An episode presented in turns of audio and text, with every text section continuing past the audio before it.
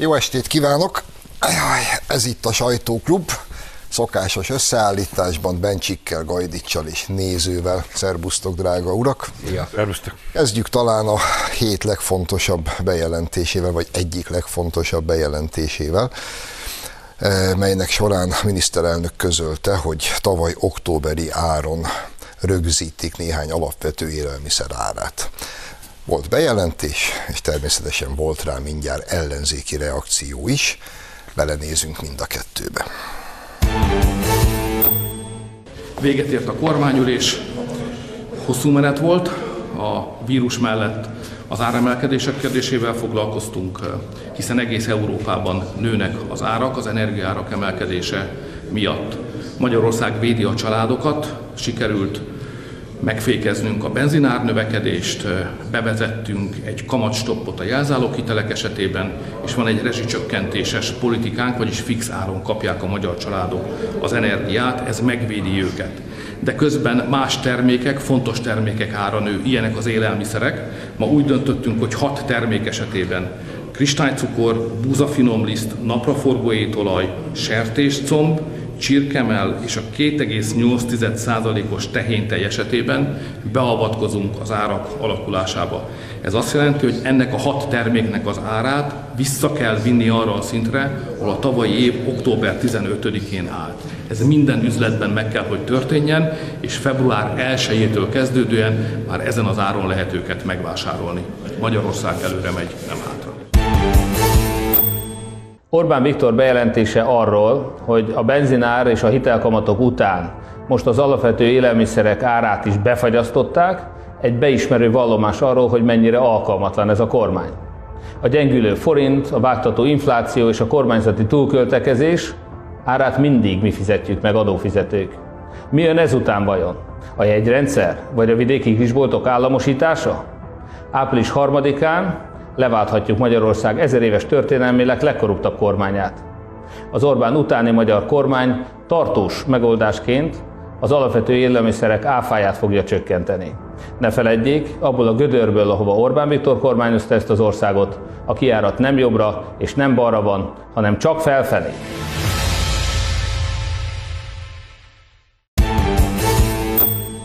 No, akkor eh, hallottuk a dolgokat öt vagy hat élelmiszer árat rögzítették tavaly őszi szinten.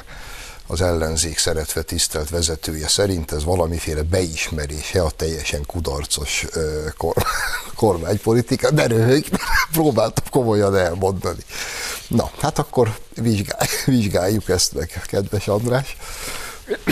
Én nem, nem igen fordítanék túl sok energiát a, a Márkizaj féle idióták hülye szavaira, mert teljesen ért, fölösleges. Viszont nemrég olvastam, hogy felvetődött, hogy van esély arra, hogy Európában két számjegyű legyen az infláció, mert olyan mértékben belassított a gazdaságot a koronavírus járvány. Azok a intézkedések, amit a magyar kormány megtett, azok az inflációt lényegesen alacsonyabb szinten meg tudják fogni. Ez egy hihetetlen fegyvertény, és ez egyetlen egy dologért sikerülhetett, hogy olyan tartalékot tud, sikerült képezni az elmúlt években. Annyira jól termelt a gazdaság, hogy nem kellett visszafogni a jóléti intézkedéseket, és lehetett fékezni a vállalkozások terheit, és így nagyon komoly esélyünk van arra, hogy amikor átjutunk ezen a koronavírus tragédián, mármint az egész világ, akkor Magyarország egy sokkal jobb starttal veszi. Azt kell mondjam, hogy ezek ostobák, aljassak, és nem csekély mértékben hazárulók is, mert egy ilyen helyzetben nem kellene az embereket ilyen hülyeségekkel ijeszgetni. Nagyon fontos dologra utalt András, hogy csomagban, összefüggéseiben kell látni a kormány intézkedéseit ugyanezt a célt szolgálja már, mint az inflációnak a féken tartását, az üzemanyagáraknak a maximálása, a kamat stop, ami ugye azt jelenti, hogy a változó kamatozású hitelek ne menjenek el megint az egekbe, és ne tegyék tönkre a törlesztő részletekkel az embereket. És most ez az intézkedés is ebbe a sorba illeszkedik. És a egészet, ha így szemléljük, akkor valóban jobb helyzetbe kerülhetnek a magyar emberek, mint szerte a világban azok, akik majd kénytelenek mindenféle segítség nélkül átélni azt az iszonyatos árrobbanást, amit úgy egyébként a nagyhatalmaknak élén az Amerikai Egyesült Államokkal az energia játszadozása, az energia árral való játszadozása okoz. Tehát ezt tisztán és világosan kell látni, hogy az, amit Amerika művel, az már Kazasztánban is, múltkor meg is beszéltük, láttuk, hogy mit okozott.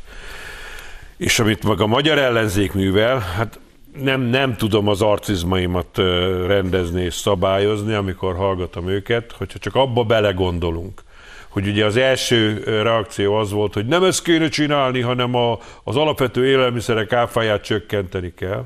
De azon már túl vagyunk. De úgy ráadásul, hogy akkor ők azt nem szavazták meg. Szóval valami elképesztő, én nem is tudom, minek nevezzem ezt, homály lengi körül, azt az egész bagást élén természetesen a, a leghomályosabb figurával. És hogyha ha végignézzük, talán egyetlen olyan pont van, ami látszólag valakiket rossz helyzetbe hoz, ezek a kisboltoknak a tulajdonosai, akik ugye ezt a két és fél százalékot jelent, azt hiszem az összforgalomban ezeknek a termékeknek a volumene. Náluk ez nyilvánvalóan okozhat némi problémát, de szerintem nekik is be kell látniuk, hogy még mindig sokkal jobb, hogy le kell mondaniuk a nyereségük bizonyos hányadáról, mint hogyha egész egyszerűen nem tudnák náluk megvenni ezeket a termékeket, mert olyan magas lenne az áruk, hogy a hozzájuk betérjük nem tudnák kifizetni. Tehát ezt a közös teherviselést, ezt mindannyiunknak el kell fogadni, el kell viselni, és most csak egyetlen ö, vicces momentum, amikor a, bemegy a, a Jakab egy nagy bevásárló központba, leemel egy akciós lisztet, és azzal házal, hogy az olcsóbb, mint októberben a benzinkútnál a sobba volt, szóval ennyit romok. Teljes mértékben érthetetlen a magyar ellenzék viselkedése, tényleg én már ezt nem tudom hova tenni, különösen Márkizajt, amit mond, azt értelmezni sem tudom, hogy ez ez, ez miért mutatna rá a magyar gazdaság csődjére, hogy hat éle, alapvető élelmiszernek az árát az október 15-i árfolyamon vagy rögzítették, ez, tehát ez, ez számomra teljesen értetetlen, de hát ő közgazdát biztosan jobban érti. Azt emelném ki, amit a miniszterelnök úr a szokásos rádió interjújában mondott, hogy nem tudnának csak egyszer, csak egyszer azt mondani, nem tudnák, hogy Hát ez rendben van. Igen, ez jó lépés volt. De nem, nem tudom. A, a, azt hagyjuk is, hogy ugye olyat követelnek, amit ők maguk nem szavaztak meg az áfacsökkentés, de azt is tudjuk, nem tudom, emlékeztek erre a legutóbbi áfacsökkentésre, amikor ezeknek az alapvető élelmiszereknek a áfáját csökkentették, hogy az nem biztos, hogy a kereskedő azt odaadja a vásárlónak. Én pontosan emlékszem, akkoriban hetekig jártam a piacra, és valahogy nem változott a a húsára, mert hát az jó jött a kereskedőnek, annyi az ára, áfát kevesebbet fizet, többet tesz zsebre. Hosszú távon lehet, hogy ö, csökkenti a, a árakat, de, de itt most nem hosszú távú megoldás kell, hanem itt van most a probléma, ezt kell megoldani, és mi más lehetne a, a kormány dolga, mint hogy megvédje a magyar embereket, a, a, ennek a világpiac, mert ugye hiába mondja az ellenzék, nem Magyarországon van infláció, csak az egész világban, az egész Európai Unióban, Amerika, hát olvassa el az ellenzék, Márki Zaj biztosan el tudja olvasni, hogy Amerikában milyen problémákat okoz az infláció, a termékhiány, az ellátási láncok megszakadása, ott üres boltok vannak, és ez már a szenátusban, a kongresszusban is téma, tehát ez a magyar kormány teszi a dolgát, ahogy egyébként mindig is tette az elmúlt 12 évben, és hát az ellenzék is teszi a dolgát. Igen. Nem mondom, hogy jól esik ezekről a tényleg ilyen narcisztikus kolhász szindrómás seggfejekkel foglalkozni, mint a Jakab vagy a Márki Zaj, de muszáj. És ha, ha már Jakabot említetted, aki most leveszi az akciós lisztet, hogy a olcsóbb volt októberbe, ez azért jó, mert ez ugyanaz a Jakab, aki fél éve azzal házal a politikai vegyes kereskedésükbe, hogy brutálisan elszabadultak az élelmiszer állak. És most, most, miután ezt ő elmondta, a sajtójuk hosszan ecseteli, és a kormány nem tesz semmit. Most, hogy rögzítik tavalyi áron, most meg azt olvasom, hogy há, havi 2000 forint a fogyasztóknak, mi, mi szükség van erre? Bezzek szegény kisboltosok. De ráadásul hazudik. A múltkor is hát az, hogy hazudik. kirakta, hogy ennyibe kerül a lista, a cukor, mit tudom én, elmentem direkt egy nagy élelmiszer láncba megnézni, a felébe került, mint amit mondta küldeni is akartam neki egy vagonnyi lisztet, hogy... Na jó, mindegy. Azért azt summázzuk, hogy valamilyen valóban általam érthetetlen oknál fogva minden olyan ügybe szembe mennek a kormányjal, amely ügyben nagyjából 80-90 százalékos konszenzus van ebben a társadalomban, miközben Magyarországon ritka a 80-90 százalékos konszenzus bármibe. De speciál rezsicsökkentésbe, speciál vizitdíj ellenes népszavazásban, speciál a határvédelmi kerítésben, és speciál most az alapvető élelmiszerek árának rögzítésében ekkora a konszenzus, és ezek konzekvensen mindegyikkel szembe mennek. Így is lehet. Volt egy EU külügyi csúcs, uniós külügyi csúcs is a minap, ahol többek között a magyar külügyminiszter is felszólalt. Ebbe is belenézünk. Beindult a diplomáciai nagyüzem Európában.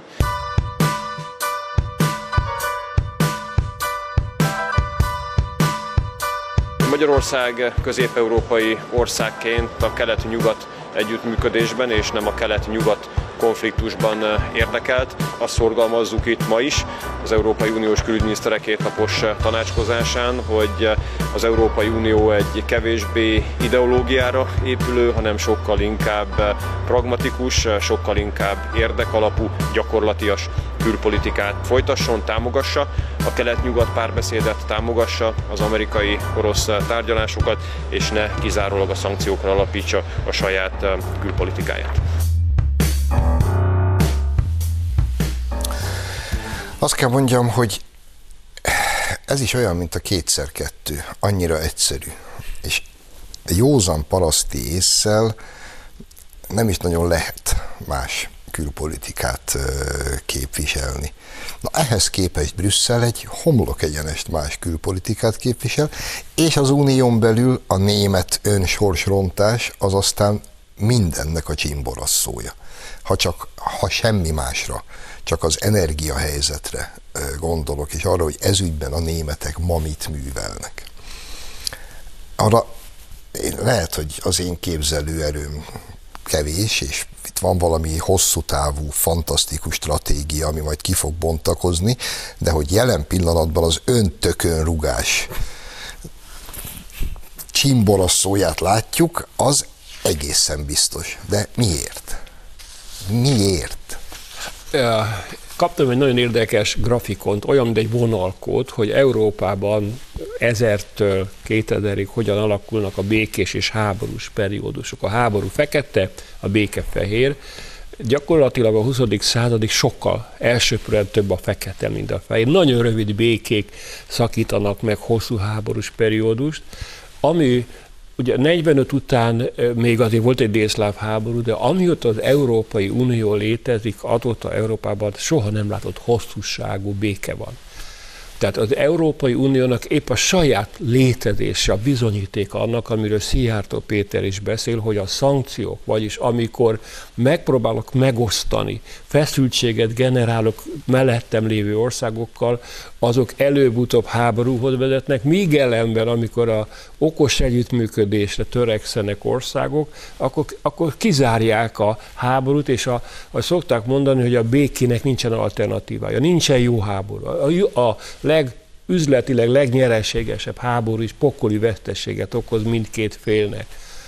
Az, hogy az Európai Unió a mellett Európa részét képező Oroszországgal folyamatosan növeli a feszültséget, ahelyett, hogy egy értelmes együttműködési rendszert alakítanak ki, ami kizárná a háború lehetőségét, sőt, belemegy abba, hogy, hogy Ukrajnában, Lengyelországban, Bielorussziában megpróbál hát az amerikai titkosszolgálat közreműködésével ilyen, ilyen e, e, fedett fedett eszközökkel súlyos válságokat kirobbantani, mindezt azért, hogy az oroszokat eh, terrorizálja, ezt egyszer józan észre nem lehet megérteni. Nem érti az ember, hogy az Európai Uniónak, az európai nemzeteknek miért nem fűződik ahhoz érdekük, hogy Európában a béke hát legalább az urálig elterjedjen, mert vannak válságövezetek. Tehát miért, miért nem lehet okosan politizálni? Nem tudok rá választ. Mondom, azért nem értem,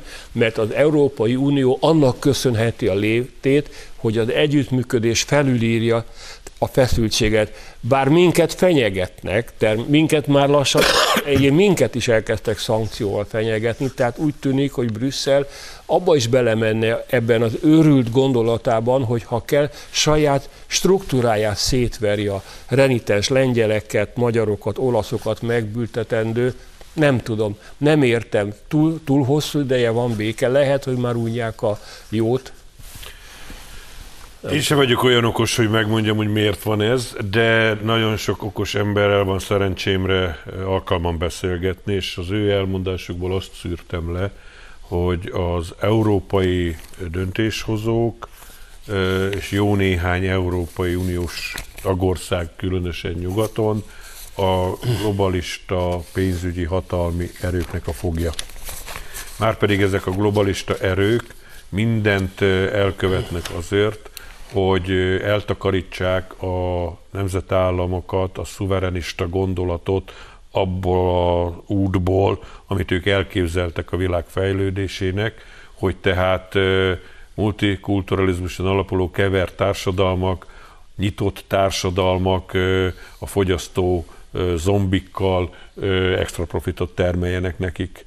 És ebből fakad minden ilyen feszültség, hogy elnevezik demokráciának azt, amikor ők vannak hatalmon, és nincs útjukba ilyen szedetvetett népség, mint aminek ők feltétlenül a magyarokat meg a lengyeleket tartják, és ha az a demokrácia, hogy mikor ők vannak hatalmon, akkor ezt a demokráciát exportálni kell. Exportálni kell Ukrajnába, Fehér Oroszországba, Kazasztánba, mindenhová, mert az két legyet üt egy csapásra, mert ha ott fölbontják az ott meglévő rendet, anarhiát eh, keltenek, az nyilvánvalóan veszélyt fog jelenteni Putyin Oroszországára, ami megint egy szuverenista és nemzeti gondolkodás alapján szervezett társadalom, és akkor a Putyinnak erre lépnie kell, és akkor el lehet mondani, hogy ő mekkora diktátor, meg micsoda eh, aljas, aki, aki csak úgy lerohanja a, a környező országokat, és, eh, és el lehet tagadni azt, hogy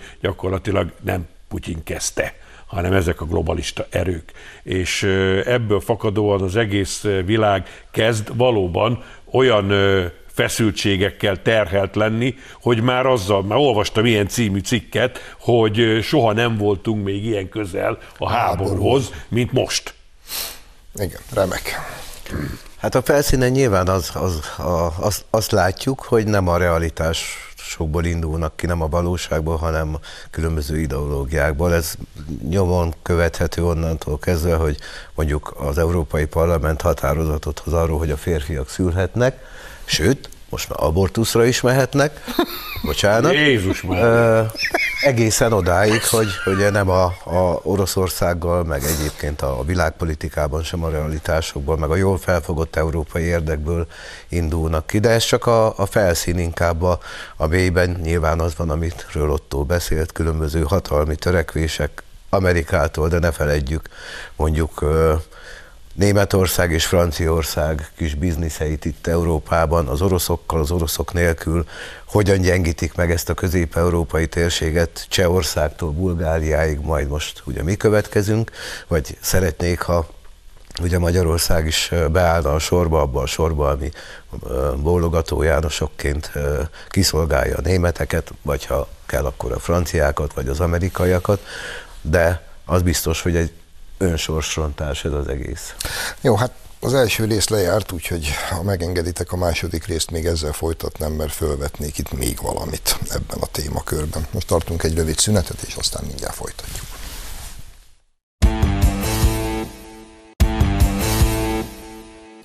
Folytatjuk a sajtóklubot, Bencsikkel, Gajdicsal, nézővel, és folytatjuk az előző témával, mert valamit itt még fölvetnék. Szóval én a következőt látom, bár lehet, hogy nincs igazam.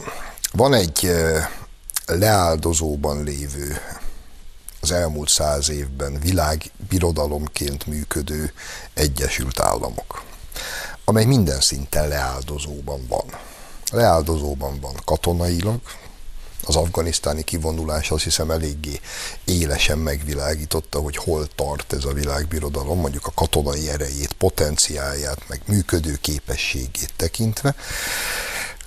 Leáldozóban van gazdaságilag, Kína most már gyakorlatilag az idei vagy a jövő év lesz az, amikor minden gazdasági mutatóban le és el fogja hagyni az Egyesült Államokat. És ez az Egyesült Államok ilyen kétségbe esett rugdalózásba fogott amelynek például az egyik eleme, hogy egyszerre próbál, miközben minden fronton gyengül, egyszerre próbál frontot nyitni Oroszországgal és Kínával szemben, ami önmagában nonsens. Ehhez sem ereje, sem képessége nincs, viszont egy dologhoz van még ereje, hogy a hülye nyugatiakat belerángassa ebbe az őrületbe. A mai brüsszeli uniós politika ennek lett a fogja. És ennek folyamánya az, mindig a németekkel jövök, mert egyszer nem tudok szabadulni ettől, ez az önsorsrontó, ugyanakkor végtelenül átlátszóan aljas és farizeus politika, amit művelnek itt a, a zöldség ö, örve alatt. Bezárják az atomerőműveiket, de nincs elég energiájuk másból, mert ez a hülye nap meg szél, ez tudjuk, hogy semmire se jó, meg elég. Bezárják az atomerőműveiket, és megveszik a franciáktól a francia atomerőművekben megtermelt energiát. Hát hagyj gratuláljak. A Die Welt írta meg múlt héten, foglalkoztam is vele egy cikkemben, a szél erőműveik rott ezeket a lapátokat balsafából csinálják, ezért kiírtják a fél brazil őserdőt, százezer liter per órával át gázolaj elpöfögtetésével a kiírtott őserdő balsafáját áthozzák az óceánon, ebből hülye szélkerek rotorokat gyártanak, és közben meg vannak róla győződve, hogy ők tök zöldek teljesen hülyék, közben az energiárak az egekben, Svédország, most olvasom, 300 kal drágult az energia, és a svéd kormány között, hogy be kell avatkozzon. Biztos nem kérdezték meg Márki Zajt, hogy mit kell csinálni. Hát kevesebbet kell fűteni. Pulóvert vegyenek az Majd ő elmondja. Ez zajlik a világban, és öregem, komoly arccal kiállnak, és azt mondják, hogy ez a frankó. És közben ott van a vezetékük, amit a szankciók meg az amerikai követelés ellenére még a Merkel korszakban saját maguknak megépítettek Oroszországból, hogy legyen olcsó gázuk, és ez az új idióta német kormány között, hogy azt nem, nem, nem adnak rá engedélyt. Na, e, és ezt a német társadalom meddig tűri? E, visszatérve az oroszokra csak egy gondot erejéig, hogy azt mondja Nietzsche, hogy ami nem pusztít el, az megerősít miközben Európa elpusztítja saját magát, és a szankciókkal bünteti Oroszországot, nem ereszti be a, a különböző terményeket, többek között a mezőgazdasági terményeket. Ezzel arra kényszerítette Oroszországot, hogy önellátóvá váljon, és ezt meg is valósították. Tehát ma már az oroszoknak nincs szükségük az európai termékek döntő hányadára. Viszont Európának szüksége lenne. Viszont Európának egyre inkább szüksége lenne. Másfelől az orosz katonai potenciál az úgy óvatos beszélésem szerint kb. az hatszorosan lehet az európai katonai potenciálnak, ami ráadásul még csak nem is egységes, mert még véletlenül sincs egységes katonai doktrinája Európának.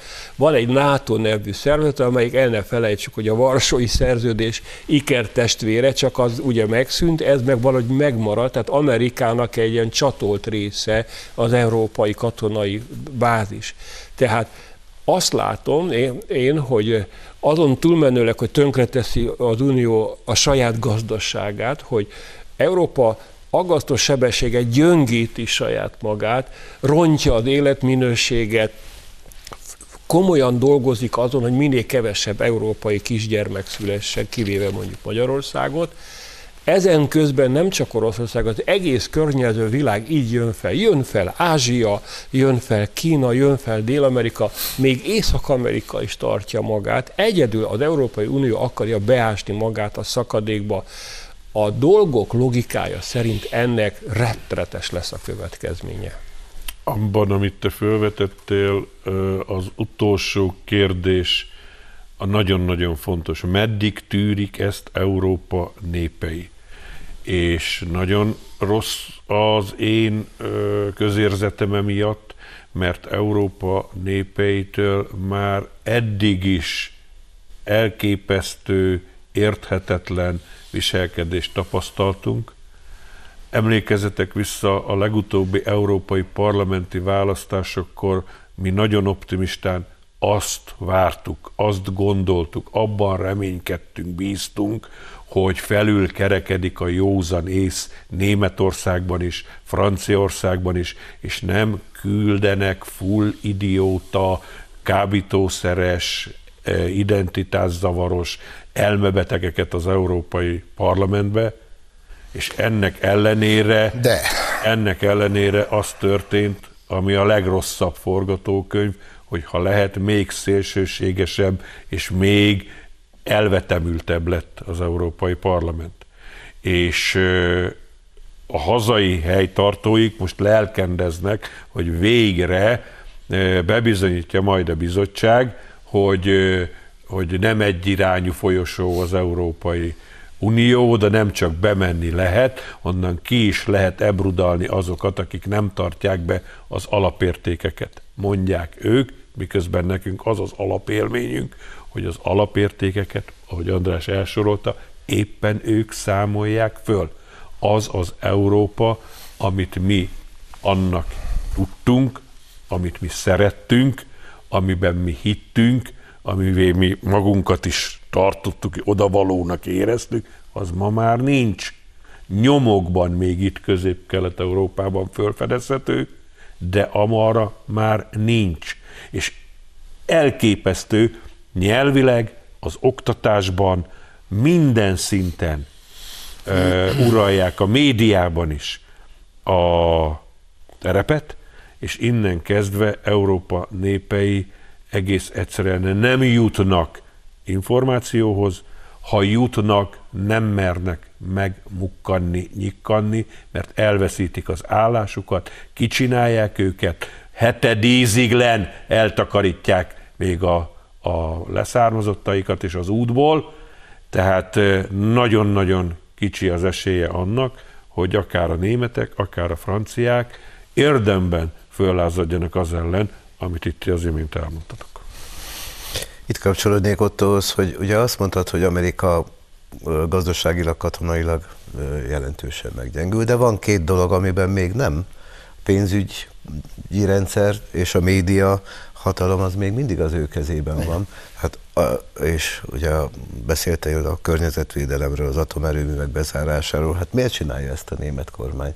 Mert telehiszterizálták a világot ezek a amerikai kézben levő közösségi média, meg egyéb médiumok, hogy itt óriási nagy baj van, itt be kell zárni az atom, Fukushima után ugye be kell zárni az atomerőműveket, megzöldíteni, meg, ami nem azt jelenti, hogy nincs probléma, a klímaváltozással, de hogy ezt okosan kellene megcsinálni, és miközben Németország bezárja az atomerőműveit, az Európai Bizottság egyébként meg zöld, tiszta energiává minősíti az atomot, tehát teljes őrület van, és ugye pénzügyileg meg éppen zajlanak a tár- vagy zajlottak a tárgyalások Putyin és Biden között, miközben demokrata szenátorok olyan javaslatot nyújtottak be, hogy Putyintól, meg a Putyin közvetlen környezetétől zárják el ezt a nemzetközi pénzügyi rendszert, és akkor ne tudjanak bankolni az oroszok, az orosz vállalatok, az orosz cégek, ne tudjanak a Mert ugye az amerikai kézben van ez a nemzetközi elszámoló rendszer, ugyan Svájcban van, de,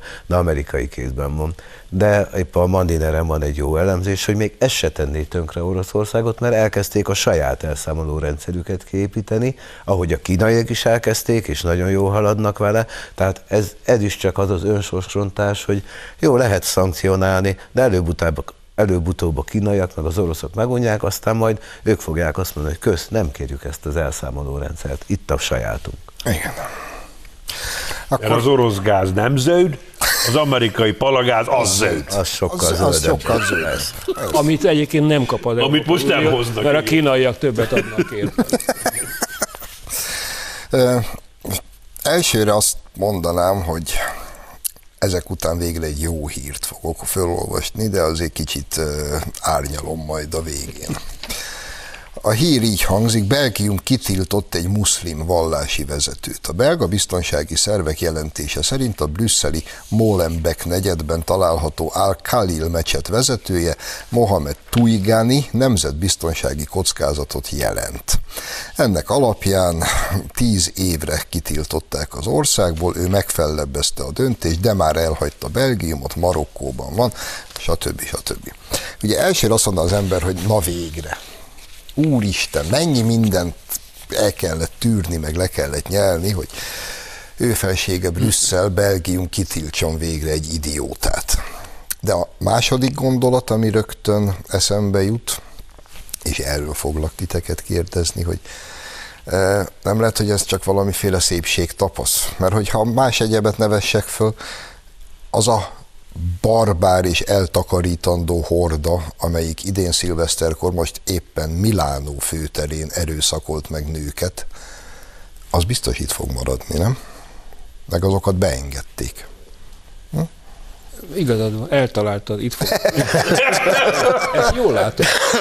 Én is így gondolom. Ez, ez, egy, ez egy alibi akció volt, valószínűleg ez az imám nagyon fröcsögött, kicsit túltolta a biciklit, hogy mondani szokás, de amennyire én tudom, még ilyen imámból van egy pár ezer Európában, és mindegyik lényegileg ugyanez hirdeti, de ami, és ennél már csak az a fontosabb, hogy az az, az óriási embertömeg, amelyik teljesen más kultúrából érkezett, tegyük a kultúrát idézőjelbe, eh, annak nagy részét el is veszítette útközben. Nem akar, nem tud, nem akar integrálódni ebbe a dologba, azok itt vannak. Tehát ez egy, egyrészt egy álszent dolog, másrészt adjunk hálát a magyarok istenének, hogy Magyarországon remélhetőleg az elkövetkezőkben sem kényszerülünk arra, hogy egy imámot azért, mert uszít a magyarok ellen ki kelljen tiltani, mert szerencsére nálunk erre Még nincs módjuk. nincs módjuk, mert hogy nincsenek. A szilveszteri milánói események fényesen bizonyították, hogy az illegális bevándorlók integrációja, mint olyan, ez egy üres halmaz. Ennek a fogalomnak nincs jelentése. Ilyen nem létezik. Ugye több olasz állampolgár volt a csürhe tagjai között. Második generáció. Az azt jelenti, hogy ők már ugye ott születtek, és ennek ellenére semmiféle integrációnak a jele rajtuk nem látszik. Ugyanúgy beállnak abba a, a hordába, amelyik most jött át egy-két hónapja, és csinálják ugyanazt, amit azok művelnek az európai emberrel. És ez azért borzasztó, mert az Európai Unió bevándorlás politikájának a középpontjában még mindig az áll, hogy az illegális legálissá kell tenni, támogatni, segíteni kell ezeknek az embereknek az ideérkezését, és erősíteni kell, föl kell gyorsítani az ő nem létező integrációjukat. A nem létező no-go zónákba egyre kevesebbet tud bemenni a rendőrség. A saria és az angol jogrend összeegyeztethetőségén már munkacsoport dolgozik.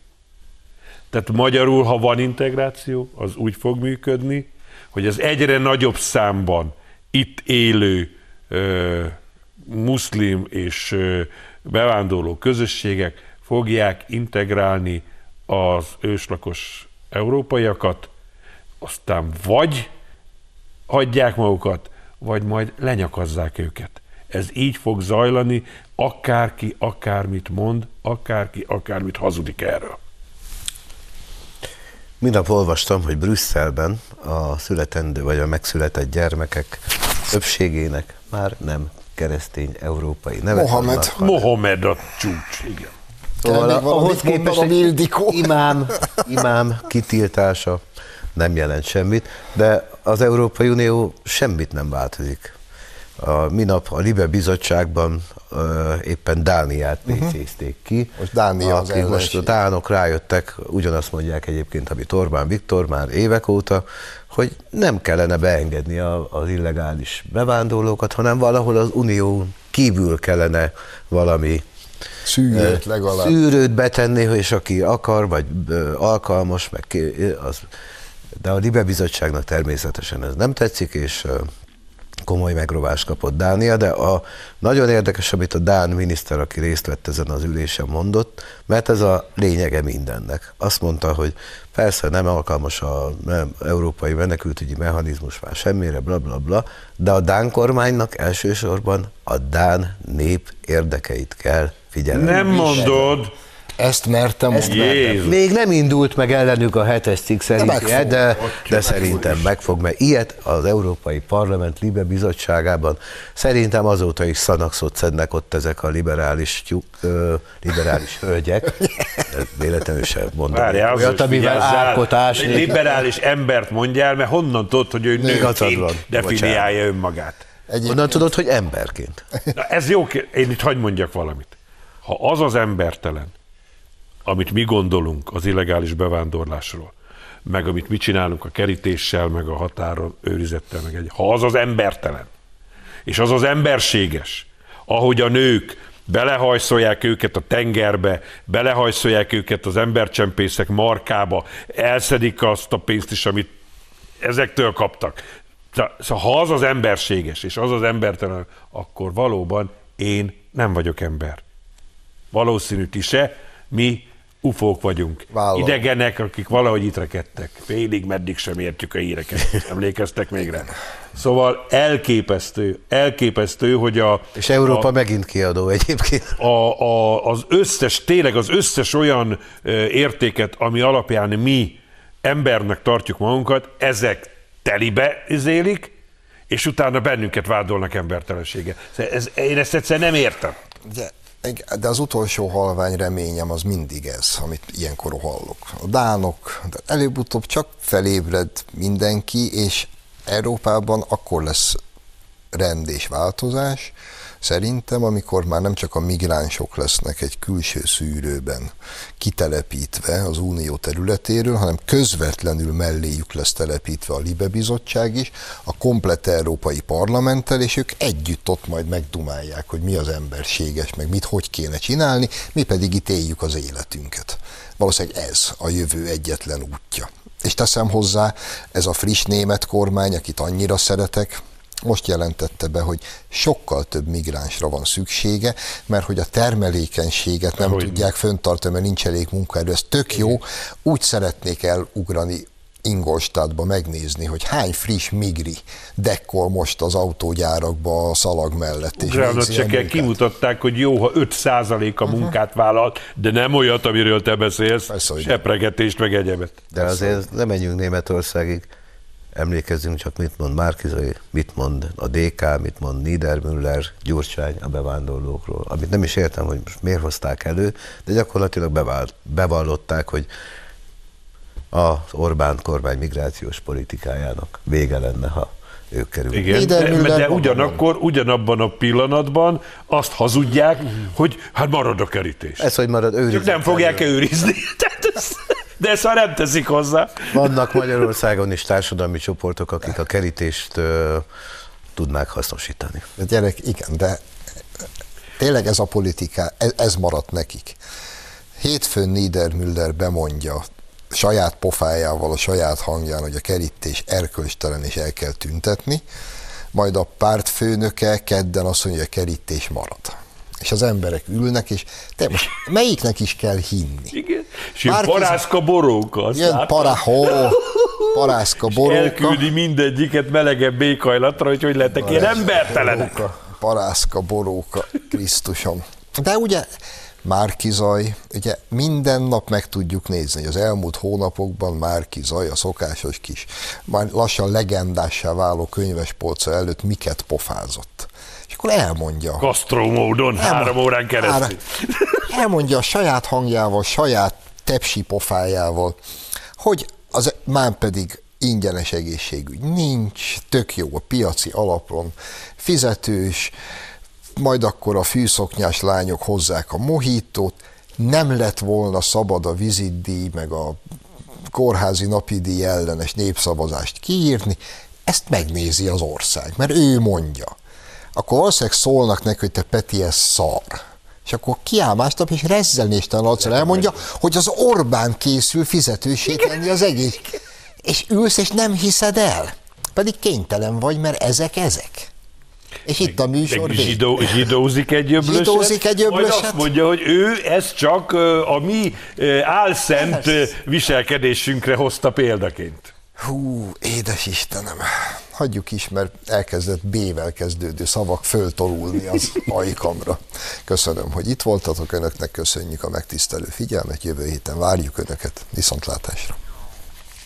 thank you